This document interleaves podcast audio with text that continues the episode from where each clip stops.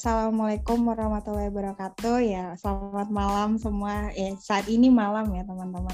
Tapi mungkin kalau kalian dengarnya pagi, siang, sore atau malam juga, ya selamat pagi, siang, sore, malam lah gitu ya. Hari ini perkenalkan aku Dea dari Kondit Pergerakan BMFK UGM Kabinet Karkasura. Kali ini aku bakal memoderatori ya, kayak membawa menjalankan podcast malam ini gitu ya. Asik. Mungkin bisa kenalan dulu kali ya yang join di podcast kali ini siapa aja. Bisa dari angkatan paling tuanya dulu deh yang join selain aku. Oke, halo teman-teman, perkenalin aku Relo uh, dari angkatan 2018. Salam kenal teman-teman. Oke, halo Relo. Mungkin selanjutnya yang tertua kedua nih. Yes. Oke, okay, thank you Mbak Dea. Ini ada tamu spesial nih, ada ketua BEM nih, Mas Rilu ya. Oke, teman-teman kenalin. Nama aku Tio, aku dari angkatan 2019. Okay. Salam Tria di Astro Speak Up ini. Mantap. Oke, okay, thank you Tio. Mungkin selanjutnya nih, siapa duluan aja lah. Silahkan. Oke. Halo guys, aku Niko. Mana lagi kalau bukan staff Axpro. Oke, Niko. Oke, oke. Semua saat malam, sekarang malam ya. Uh, aku sini Bukhari Fauzi sebagai Kori sebagai staf ahli Departemen Aksi dan Propaganda dari angkatan 2020. Salam kenal semua. Oke. Mungkin selanjutnya ya. Ada okay. siapa nih? ada aku sih mbak halo halo semuanya teman-teman pendengar setia asu Oxford Cup uh, ini ada aku Crespo uh, staf ahli Departemen Axpro juga dari angkatan 20 FKH Oke Crespo. Nah uh, kita udah kenalan ya tadi ada Relo, Tio, Niko, Crespo sama Kori nih. Mungkin aku mau tanya yang pertama uh, apa sih harapan kalian gitu ya? Kenapa dibentuknya departemen Axpro gitu? Aksi dan propaganda tuh kenapa gitu dibentuk di BEM FKH UGM kan di kabinet ini tuh baru gitu ya. Sebelum sebelumnya nggak ada dan bahkan dengar-dengar Axpro ini tuh adalah eh, Axpro BEM FKH ini tuh adalah Axpro pertama di klaster agro UGM gitu. Keren banget gak sih Nah itu tuh kenapa tuh bisa kepikiran kayak gitu tuh kenapa awalnya? Mungkin ada yang mau nanggepin? Oke, mungkin aku izin masuk ya, dia. Uh, jadi aku mau jawab pertanyaan dari dia, kenapa sih uh, di Kabinet Arkasura ini uh, kita berani dan uh, optimis diadakannya Departemen Aksi Propaganda. Dulu itu uh, awalnya pertimbanganku dengan Salman itu yaitu uh, apa? Aksi dan propaganda kan ini salah satu hal yang penting ya di kalangan mahasiswa. Dan BEM yang membedakan dengan UKM-UKM yang ada di FKH itu yaitu pergerakannya dari aksi uh, kajian dan advokasinya. Nah karena BEM FKH tahun kemarin itu sebenarnya sudah uh, ada aksi tapi masih menggabung ke advokasi dan aksi. Nah makanya uh, setelah diskusi dengan Salman, dengan Dea juga ini dulu dan juga teman-teman advokasi aksi kakak-kakak, akhirnya kita berani uh, untuk mengadakan departemen aksi dan propaganda. Karena kita menilai dari segi P, segi SDM itu ada, yang kedua dari segi pengalaman uh, bibit-bibit perjalanan untuk menuju sebuah departemen aksi propaganda itu ada gitu jadi kita berani dan apa ya karena ini kan teman-teman uh, isu-isu yang ada di KM UGM maupun KM FK UGM itu kan sangat banyak ya teman-teman. Nah kita perlu uh, departemen khusus yang menaungi dan yang mengawal serta menginisiasi untuk pergerakan aksi dari manajemen isu manajemen aksi sampai ke uh, propagandanya. Nah alhamdulillah dengan dengan begitu kita berani dan ini sampai sekarang masih jalan gitu sih alasannya kenapa pengen uh, ngadain departemen Axpro dan ini bener banget ini pertama kalinya di klaster agro ya teman-teman. Ini dapat apresiasi juga dari teman-teman BEM BEM agro bahkan di aliansi pun kita mendapatkan apresiasi gitu. Tuh. Ini perjuangan dari teman-teman Axpro juga sih keren. Itu sih deh. Wah, keren banget nih ya. Udah dapat apresiasi juga sebagai Axpo pertama gitu di klaster Agro UGM. Eh, iya, iya benar, klaster Agro UGM. Nah, mungkin ada nggak rel harapan kamu buat Axpro ke depannya gimana setelah satu kabinet ini tuh berjalan gitu Axpro-nya? Oke, harapanku utamanya ya Axpro BMFK UGM tetap eksis ya. Tetap eksis, tetap uh, berjalan, tetap ada di kabinet-kabinet bahkan sampai nanti mungkin dunia hancur ya. Jadi tetap ada karena ini teman-teman uh, itu tadi sesuai fungsi dari BEM yaitu pergerakan. Nah, Departemen Aksi Propaganda ini sangat uh, ada yang apa sangat harus ada di BEM untuk membantu tadi mengawal, menginisiasi aksi dan lain-lain. Jadi harapannya tetap eksis dan harapannya ke depannya uh, kan besok insya Allah tahun 2022 uh, eh, kemungkinan sudah uh, offline ya. Jadi kita bisa uh, lebih aktif lagi di kalangan isu-isu KM UGM maupun KMFB UGM bahkan isu-isu nasional. Dan harapanku juga ini kepada Departemen Axpro, nah ini udah diinisiasi, diinisiasi juga dari teman-teman Axpro untuk tilik isu nasional. Nah ini salah satu langkah awal untuk pergerakan mahasiswa Fakultas Kedokteran Hewan se-Indonesia. Jadi harapanku ke depannya Axpro juga bisa meningkatkan dan sebagai inisiator untuk mengajak teman-teman mahasiswa veteriner lebih peka terhadap uh, apa ya isu-isu untuk keprofesian kita di masa depan. Karena uh, kita lihat teman-teman mahasiswa FKH itu yang aku lihat buka, bu, apa bukan hanya dari UGM ya, dari universitas lain kurang uh, mengawal terkait isu-isu keveterineran. Nah ini hal yang harus kita garis bawahi dan insya Allah uh, di Axpro tahun ini dilangkahi dengan langkah awali dengan tili isu nasional. Nanti ke depannya harapanku teman-teman yang melanjutkan bisa memberikan uh, pergerakan-pergerakan bersama dengan FK-FK Indonesia gitu. Terima kasih Dea. Wih, sama-sama Rel. Nah, berarti tuh besar nih ya harapan dari ketua BEM sekarang nih ya, Relo nih ke Departemen Axpro dan mungkin entah apanya di kabinet depan tapi harapannya masih tetap lanjut gitu ya untuk memegang kayak tupoksinya dari Axpro sekarang. Nah mungkin aku mau nanya nih ke anak-anak Axpro gitu ya yang menjalani satu kabinet di Axpro itu gimana? Mungkin apa sih kayak yang udah kalian rasain suka dukanya atau uh, perasaan kalian selama menjalankan Axpro yang baru gitu ya, baru banget bahkan di BMFKH dan Cluster Agro UGM gitu. Ada nggak? Mungkin siapa aja deh boleh.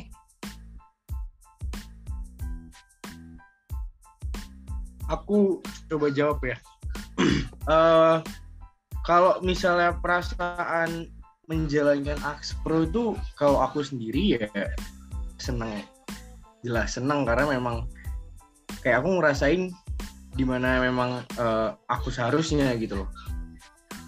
Yang aku nggak suka istilahnya aku nggak nggak suka dengan hal-hal yang menurutku salah. Jadinya aku bakal memperjuangkan kata-kata diplomatisnya adalah aku bakal memperjuangkan hal itu sampai benar. Itu diplomatisnya. Jadi di Axpro kan ya memang hal-hal yang meresahkan hal-hal yang mengganggu hal-hal yang mengusik itu kan pasti diperjuangkan kebenarannya. Ya apa pun itu gitu kan Nah makanya di situ aku merasa senang ketika aku menjalani Axpro dan ditambah lagi ditemani sama teman-teman Axpro yang suportif yang ya banyak lika-likunya tapi bener-bener progresif jalan su suportif satu sama lain komunikasi jalan. Gitu. Dan ya balik lagi ke harapan awal tadi harapan awalnya adanya Axpro ya memang untuk pengawalan isu dan itu sudah membuatku cukup senang gitu selama aku menjalankan satu hampir satu tahun ini. Gitu sih mbak dia oke oh thank you. Mungkin teman-teman ekspor yang lain nih gimana? Ada nggak? Oke aku nyambung ya mbak dia uh, yo yo. peras, perasaanku sendiri ya jujur sangat senang dan sangat bersyukur ya. Sangat bersyukur karena apa? Mungkin sedikit flashback eh, tujuanku masuk BEM ya karena emang aku mencari wadah ini gitu. Wadah mencari diskusi buat akan yang melek-melek isu kemudian memerangi apa ya hak masyarakat yang dirampas itu kayak aku emang dari awal kayak concern banget di hal, -hal tersebut gitu. Jadi apa ya bersyukur itu dengan adanya Axpro di BMFK ada wadah yang bisa menampungku bisa uh, berdiskusi dengan teman-teman juga apalagi dipertemukan dengan keempat teman ini dari Tio, Ori, Oktet, Crespo uh, yang sangat kooperatif, suportif yang seperti disampaikan Tio tadi. Uh, selama hampir satu kabinet ini ya jujur masih baik-baik aja antara hubungan secara personal, hubungan hubungan kerja BEM juga masih baik-baik saja tidak ada masalah. Disyukuri uh, mungkin dari aku itu aja sih Oke, terima kasih Niko. Nah mungkin buat yang anggota Axpro yang lain, aku mau nanya yang lain nih. Kan tadi Axpro BMFKH ini tuh Axpro pertama di kluster agro gitu. Sedangkan setahu aku nih, kan kalau misalnya anak-anak BEM lintas fakultas UGM tuh suka sharing-sharing gitu kan sesamain satu satu jalur gitu ya. Sedangkan kan kalau Axpro nih nggak ada temennya nih kalau di agro gitu. Terus kalian tuh selama ini tuh gimana gitu menjalankan Axpro sama fakultas atau lembaga-lembaga fakultas yang ada Axpro-nya di depan eh, di fakultas saya itu gimana? Mungkin yang belum jawab nih tadi ada Korea atau Toko. Oke, mungkin ya itu ya apa namanya ya kenalannya dari dari misalkan kayak aksi kemarin tuh ada ada kan ada ketemu dari dari ada dari FIP ada dari sisi ya begitu. Itu jadi jadi nggak harus dari agro gitu loh. Kita bisa menambah teman-teman dari dari kelas lain aja. Jadi maka sebatas di agro aja. Gitu. Ini terus habis selain itu tapi kalau misalnya untuk ini itu bukan hanya untuk masalah masalah agro itu bukan hanya bari kita sama anak agro aja ya. Tapi kita juga ke anak pergerakan UGM begitu. Aku mau nyambung deh mbak dia mau nambahin. Uh, ini pertanyaan yang relate banget ya buat dijawab tentang apa ya evaluasi atau mungkin perasaan selama satu kabinet. Axpro di Agro satu-satunya berke, berkesinambung dengan Axpro fakultas lain yang mayoritas sosok uh, ini termasuk kayak apa ya? Buka dari Axpro BMFK sendiri juga dari teman-teman karena selama kita hampir satu tahun ini isu-isu yang diangkat oleh katakanlah aliansi atau forax selama kita ikut mengambil itu ya isu-isu zoom gitu. Kayak jarang banget ngangkat isu veteriner atau mungkin isu agro. Ya mungkin sekali kemarin waktu piungan ya tapi itu lebih ke ternyata lebih ke peternakan jadi kita lebih kurang berkesinambung nah itu termasuk duga dari kita karena apa? Kita kayak uh, isu yang diangkat sosum dengan lingkup kita itu agro atau kedokteran hewan gitu. Jadi yang otomatis kita juga kurang memahami secara detail gitu. Apalagi katakanlah tentang hukum-hukum atau mungkin sistem pemerintahan atau politik gitu ya itu emang salah satu bisa dibilang duka dari Axpro kabinet ini yang menjawab pertanyaan Mbak Tia tadi. Oke, thank you Niko. Berarti itu sebenarnya kayak ada kayak bingungnya juga ya karena kan biasanya kalau Axpro tuh kesannya tuh soshum gitu ya, yang hukum lah atau politik lah. Tapi sebenarnya juga kalau mau dikupas lebih dalam lagi tuh di bahkan di matkul FKHUGM ada legislatif legislasi veteriner ya Rel. Jadi tuh kita juga bakal belajar juga tentang uh, apa ya peraturan-peraturan yang berhubungan erat gitu dengan profesi dokter hewan juga sebenarnya. Jadi kayak mungkin Axpro tuh juga bisa jadi salah satu ini kali ya cara buat kita belajar sedikit-sedikit paham tentang gimana menegakkan keadilan gitu ya. Nanti mungkin lewat lewat kalau kita udah jadi dokter hewan gitu. Kalau misalnya ada yang tentang kesalahan-kesalahan medis atau apa tuh kita bisa lihat situ juga. Mungkin belajar dikit-dikit gitu ya. Keren keren keren. Jadi Axel tuh nggak cuma sekedar ya demo lah kesannya nggak kesan jeleknya gitu doang gitu ya. Tapi bisa belajar terus juga. Bener-bener. Oke, aku mungkin nanya nih, kan tadi kesannya tuh kayak kita belajar tentang membela apa membela gitu ya, kayak hukum lah apa segala macem juga. Kasar kasarnya tuh kayak kita tuh kalau Axpro tuh eh, apa ya? Penggeraknya tuh gitu, penggeraknya mahasiswa banget lah gitu. Tapi sebenarnya selain itu tuh kalian tuh ngapain sih di Axpro tuh kerjaannya ngapain selain kayak gitu-gitu apa ya udah gitu doang gitu. Mungkin siapa aja deh yang mau jawab boleh. Mbak. Kalau aku mau masuk terus nyanggah pertanyaan Niko tadi, boleh nggak sih mbak? Mau nambahin sih? Boleh. Boleh, boleh. Eh, nggak semua sih kita apa ya kayak yang dikatakan Niko tadi kan Axpro kayak ngurusnya ke bukan bidangnya gitu. Axpro BMFK gitu maksudnya. Kan ranah kita maksudnya eh, kedokteran hewan. Tapi kita itu juga pernah sih eh, berusaha eh, tilik isu- isu kemarin sih yang ngangkat apa kemarin itu juga. Fokus isu BEM sih setauku juga kan mungkin dari Tio lebih tahu sih. Kita udah berusaha semaksimal mungkin sih buat eh, nyesuain biar nggak ke apa ya fokus ke isu keluar gitu. Ya, jadi kalau memang di Axpro kan kita juga tetap eh apa ya kalau yang dibahas Crespo itu kan eh BEM punya fokus isu tiga, kita membantu mengawal, tapi bukan berarti kita saklek di tiga itu. Makanya kita pun bisa bekerja sama dengan teman-teman fakultas lain. Kayak ya ketika ada aksi besar, eh Gejayan memanggil, terus ataupun aksi media untuk boom Twitter untuk meramaikan hearing rektorat itu kan juga perlu ada koordinasi sama teman-teman fakultas lain. Jadi ya memang nggak terpatok sama klaster agro ya. Tadi yang pertanyaan awalnya Mbak Dea. Jadi memang ya semua hal yang meresahkan sikatlah. Tapi harus tetap realistis. Optimis tapi realistis. Wes ada tagline baru lagi nih. Optimis tapi realistis. Mantap. Ini kayaknya kabinet ini tuh sering buat tagline-tagline unik gitu ya. Penyemangat-penyemangat di saat online mumet-mumet gini gitu. Keren-keren. Kalau kata lagi? Mas Relo, optimis meski mengkis-mengkis. Nah, eh optimis senajan mengkis-mengkis. Oh, senajan mengkis-mengkis. Ah, Wah, banyak ya tagline-tagline unik gitu yang ada di kabinet ini gitu. Nah mungkin aku mau tanya nih, kalian kan kalau di BEM FKH UGM itu masuknya ke ini ya kayak di bawah konbit pergerakan gitu. Dan aku termasuk konbit pergerakan, salah satu konbit pergerakan tuh eh, yang ngeliat tuh kalian juga kerjasama sama Kastrat, Departemen Kastrat dan Departemen, Adkesma gitu. Nah itu tuh ada berhubungan berhubungannya nggak sih kayak saling berhubungan kayak program kerja yang bareng-bareng atau gimana tuh ada nggak? Mungkin bisa di sharing nih dari anak-anak Axpro.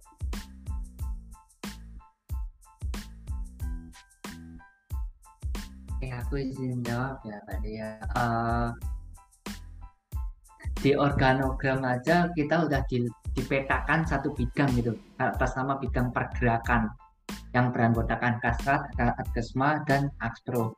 Eh, karena satu bidang itu yang pasti kita juga bekerja sama erat dengan kedua departemen tersebut.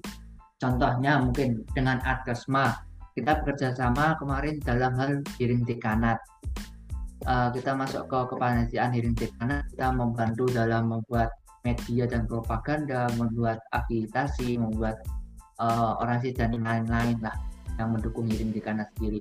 Kemudian dari Katstrat sendiri waktu hearing dekanat juga membuat kajian yang mendukung menguatkan isu yang dibawa pada hearing dekanat itu contoh pertama. Kemudian contoh kedua ketika Axpro mengadakan tilik isu tentang mental health kita bekerja sama dengan Kasrat tuh. Kita meminta eh, meminta tolong Kasrat mungkin kajian tentang mental health yang mana mental sendiri fokus isu yang diangkat BEM FK UGM. Dan ketiga lagi-lagi dengan Kasrat eh, next ini tili isu ketiga tentang kesehatan hewan, kemudian UU UU UU apa yuk? UPTKH.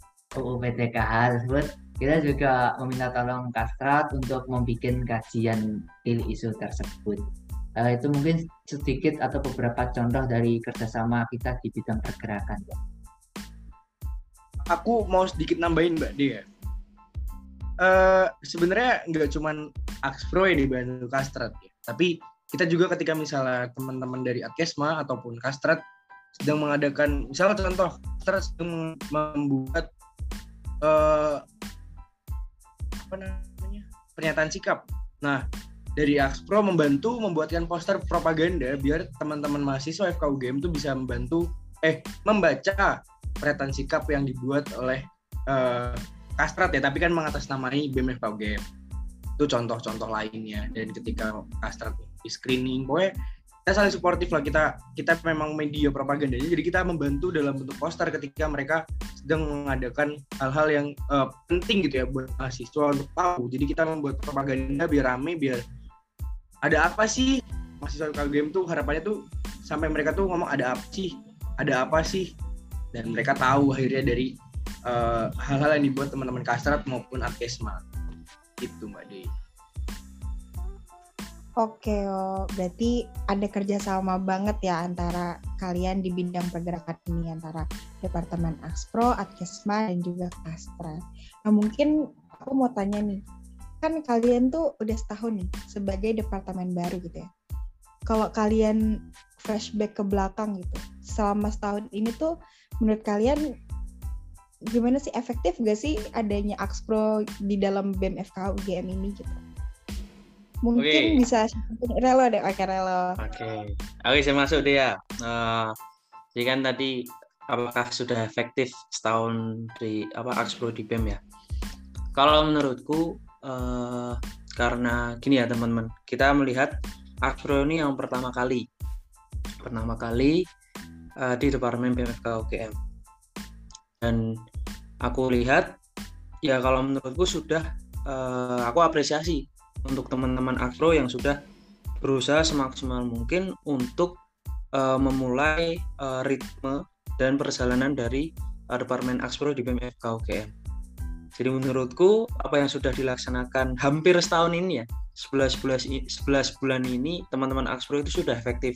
Dan tadi kembali uh, karena sudah efektif ini ya aku tadi uh, menyarankan tetap Departemen Aksproi tetap ada di tahun-tahun uh, berikut berikutnya karena itu tadi teman-teman. Uh, yang berawal dari berawal dari uh, pertama kali Departemen Akspro teman-teman sudah membuat ritme tadi. Mulai uh, sudah ada sekolah aksi ada tilikisu ada panggung aksi. Terus teman-teman Akspro juga sudah uh, menginisiasi mengawal untuk uh, aksi di KMUGM uh, eh, dan dan juga uh, sudah ikut hadir dalam konsol. Itu menurutku sebuah hal yang harus aku apresiasi ke teman-teman Axpro karena tidak mudah juga di kalangan budaya FKH UGM kita kan terkenal dengan banyak laporan banyak uh, ujian. Tapi teman-teman Axpro sudah bisa uh, bisa menempatkan lah bagaimana untuk memaksimalkan potensi arah gerak dari Departemen Aksi Propaganda gitu sih kalau dari aku efektif sih top sih. Tapi memang ada beberapa hal untuk ke depannya harus dibenahi dan ditambahkan. Gitu. Terima kasih Dea. Oke. Misi mbak De. Aku mau nyambung dong. Eh Crespo dulu Crespo Crespo. Aku boleh mengajukan pertanyaan nggak ke Mas Relo?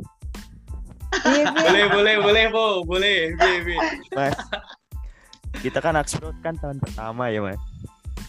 Itu besok waktu diberi dispensasi nggak mas? Oh aduh dispensasi gitu dispensasi apa? itu lah mas pasti tahu lah mas. Yang aku maksud pasti tahu. Oh, eksklusivitas. ya, ya kalau gini ya kalau musyawarah kabinet itu aku serahkan ke forum gitu.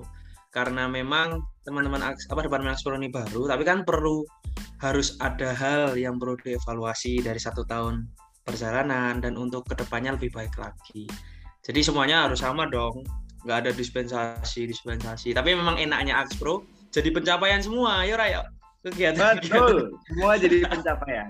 Tapi walaupun nggak- emang nggak departemen baru, emang Kasper itu departemen yang berprestasi penuh dengan Yes. pencapaian. Iya. Berapa aku pencapaian aku? Ada 20 lebih aku ya. 30 Ada lebih. 30 lebih loh. itu Bayangkan. ETT, itu ETT. Eh, itu itu Semua. belum sekarang. Ini belum Semua Belum pokoknya jadi baru, baru, baru, baru. itu belum ikut aksi itu 30 itu. Oke, aku mau lanjut ya tadi back ke pertanyaan tadi ya. Efektif atau enggak selama setahun? Kalau misalnya memang harapan awalku tadi, kita ngomongin harapan awalku tadi adalah eh, adanya pengawalan isu di BMFK UGM. Terutama memang menurutku ya penting banget adanya Axpro di BMFK karena memang motor penggerak dalam pengawalan isu gitu. Nah, efektif atau enggaknya menurutku udah efektif. Selama hal-hal yang udah dijalani sama teman-teman Axpro di sini itu udah bener-bener eh, meskipun aku aku bilangnya efektif ya bukan sempurna ya karena memang banyak masih banyak hal yang perlu dievaluasi jadi menurutku udah cukup bagus untuk pengawalan isunya. Karena memang kita sudah berani memulai kita sudah berani meneruskan dari teman-temannya eh, fakultas lain sehingga ada gitu di FKH tuh masuk gitu loh isu ini gitu.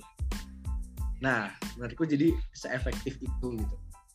Axpro di BMFK UGM selama kurang lebih setahun. Makanya aku setuju banget sama Mas Rilo eksistensi. Bukan eksistensi sih lebih ke keberadaan Axpro di tahun-tahun ke depan tuh amat sangat penting dan amat sangat dibutuhkan apa pun nama departemennya selama fungsinya itu mengawal pengawalan isu itu aku apa ya aku setuju banget karena memang yang membedakan BEM dengan eh, bisa dibilang or- ormawa atau UKM lain itu kan memang karena ada hal apa ya pengawalan isu gitu di situnya. Delviera Pramesti.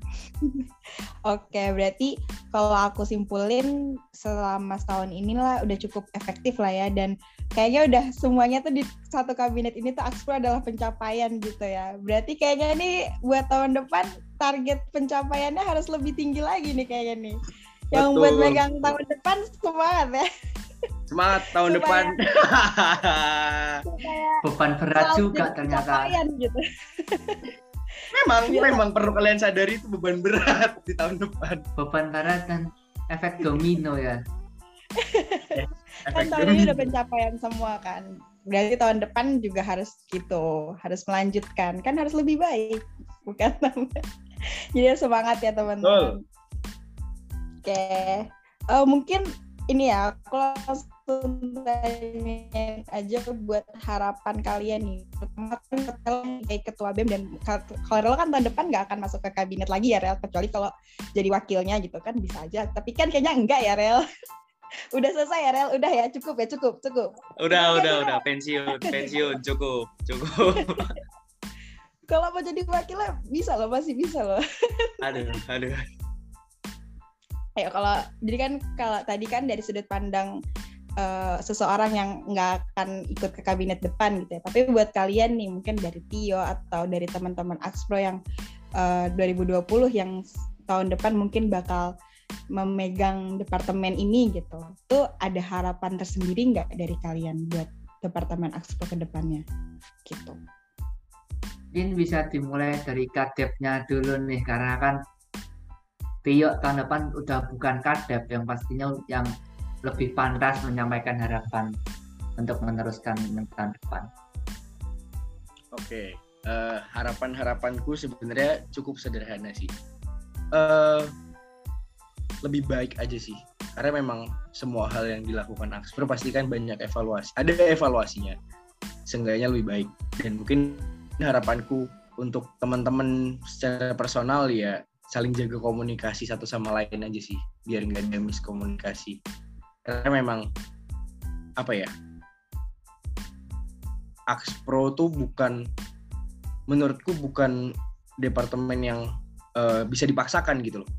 Dan teman-teman di sini tuh karena memang menurutku atas kemauan kalian sendiri meskipun aku tawarkan. Ditolong banget dijaga komunikasi satu sama lainnya biar nanti ke depannya bisa terus lebih baik bisa jalan lebih baik pengelolaan ininya lebih banyak lebih lebih efektif dari yang sudah kita lakukan sebelumnya. Itu sih harapan harapanku. Mengharukan ya. Enggak juga. Mengharukan kayaknya ya. Kalau ada yang tetua-tetua kayak kita gini ya Rel kayaknya tuh sedih juga ya mau meninggalkan. Ya ya emang asli anjing sedih banget. Kayak Iya. udah nggak bakal nggak bakal eh, nganuin si si lemot Crispo ini. Terus ya ke Bukori lah yang macem-macem. Terus Niko yang paling paling kontra sendiri. Ah udahlah. Tapi bakal kangen sih sama yang gitu-gitu. Makanya kalian harus jaga komunikasi satu sama lain. Sama yang paling cantik Iya. sendiri sini ada Oktet tapi dia lagi sakit jadi tidak ikut Wah, GWS outlet Oke, penting jaga komunikasi satu, satu sama lain. Intinya eh ya target tetaplah target, tapi jangan jangan jadikan target itu malah sebuah hal yang kalian harus capai. Target tuh cukup ada di dalam diri kalian. Gak usah terlalu lebay lah target. Wih, Mas Rilo kenapa Mas Rilo? Kenapa nengok aku gitu Mas Rilo? Sinis banget. Aku Nggak nggak setuju sini ya? tuh. Oh, Oke. Mungkin ada nggak nih tanggapan dari anak-anak eh anak-anak atau Axpro 2020 nih tadi kan Tio udah menyampaikan harapannya nih. Mungkin kalian bisa kasih tanggapan tuh. Tadi kan dia bahkan nyebutin satu-satu tuh kalian Crespo yang ini, bukan yang itu gitu. Mungkin ada tanggapan nggak dari kalian buat Tio lah sebagai kadep dan mungkin staf ahli satu-satunya sebelumnya ya sebelumnya ini kayak bener-bener dia sendiri gitu buat ngebimbing kalian. Ada nggak? Aduh, ini podcast penutup malah jadi sedih-sedih. Ya. Gak kerasa juga sekabinet mau kelar. Kayaknya barusan kemarin nyusun musker, nyusun musker tahu-tahu eh udah nyusun muskap. Udah mau pisah aja sama Tio sama Srilo Mbak Tia. ah lah. Enggak lah, enggak lah, enggak berpisah lah. Kita tetap bareng. Maksudnya Cuman- berpisah dalam kabinet, dalam Iya. kabinet. Kan nggak mungkin Mbak Tia besok mau bantuin jadi konfit lagi. Ah, cukup cukup. iya kan nggak mungkin Tio mau jadi kadep lagi. ya apa ya? Mungkin sih eh, kayaknya kalau tidak. Mungkin eh, sebelumnya makasih makasih dulu ke Tio ya eh, udah membimbing aku teman-teman 20 di Axpro ini. Kita jadi tahu gambaran gimana toh Axpro itu gambarannya gimana kinerjanya harus gimana dan mungkin tahun depan apa yang harus ditingkatkan apa yang harus dilakukan. Eh, kita belajar banyak dari Tio yang membimbing kita. Kemudian makasih juga ke Mas Relo yang udah mendirikan Departemen Axpro ini di kabinet ini yang jujur sangat jujur jujur jujur sangat mendukung buat uh, wadah bagi kita kita. Kemudian sadar sebegitu pentingnya urgensi pengawalan isu karena tahu sendiri isu veteriner banyak banget yang harus kita kawal. Siapa lagi kalau bukan anak FK yang mengawal gitu uh, makasih juga ke Mbak Dia selaku konfit yang udah mungkin ya konfit yang bisa cuma konbit Mbak Dia, Mbak Diva, Mbak Sasa yang bisa diajak uh, koordinasi dengan Tio. Karena aku sadar itu apa ya dukanya Tio di kabinet ini nggak ada staf ahli. Jujur nggak ada yang dimintain pen, uh, kayak mintain pendapat. Bahkan Tio pun ya sering sampai juga uh, susahnya nggak ada staf ahli ya. Gitu.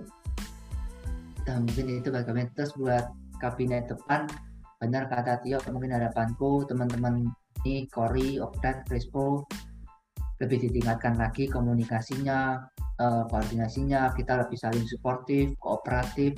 Kemudian yang paling penting ini jangan cepat puas apa yang udah kita lakukan ini. Kita udah tahu beban kita tahun depan apa dari yang disampaikan ini.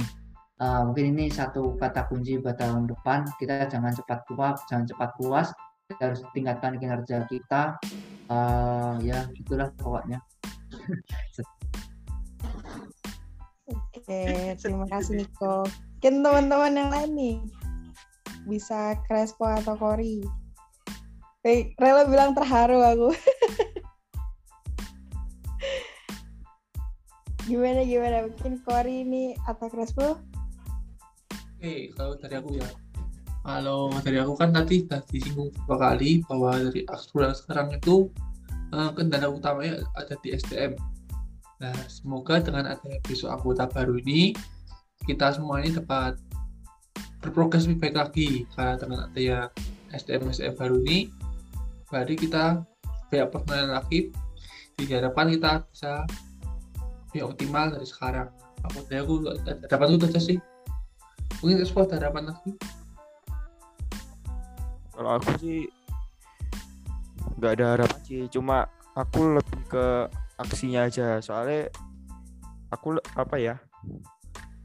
Ya, kalau aku cuma mengharap toh, terus aku nggak ada per- aksiku, aku sama aja kayak doa tapi tanpa usaha gitu.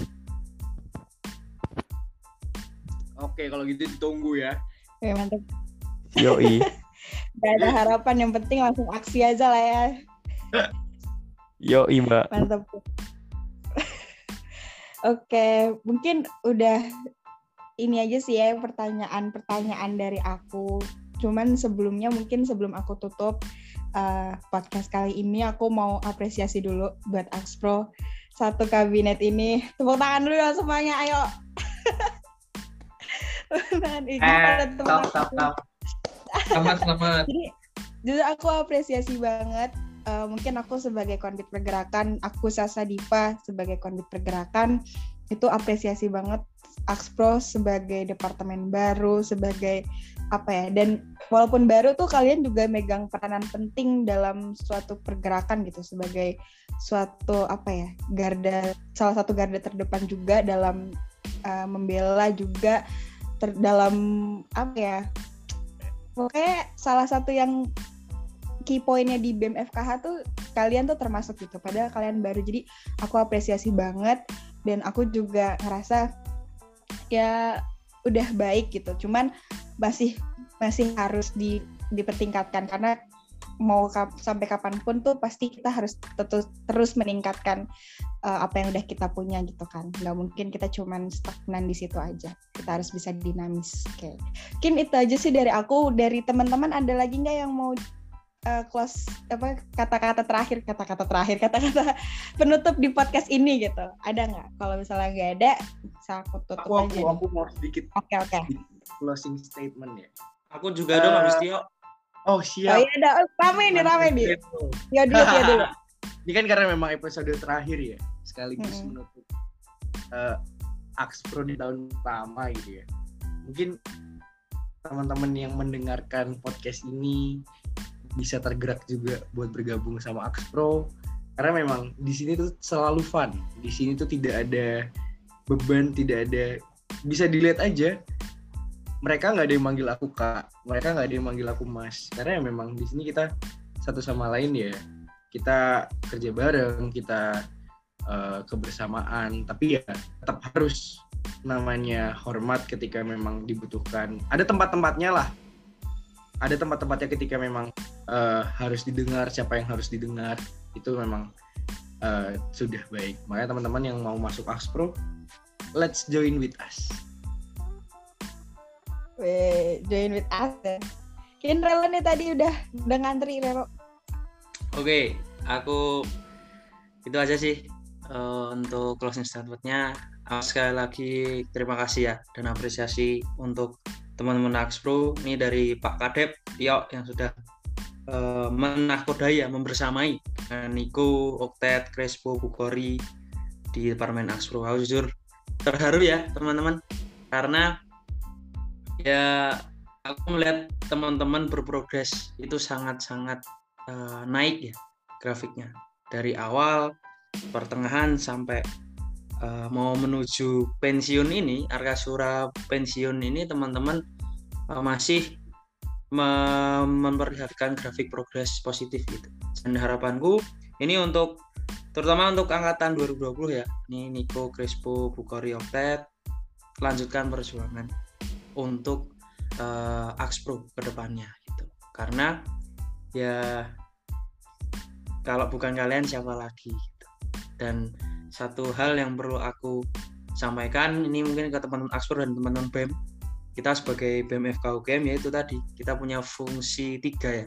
Pelayanan koordinasi pergerakan kita tanamkan di hati kita terdalam. Niat kita kebermanfaatan untuk mahasiswa untuk masyarakat dan yang paling penting yaitu optimis sampai garis finish.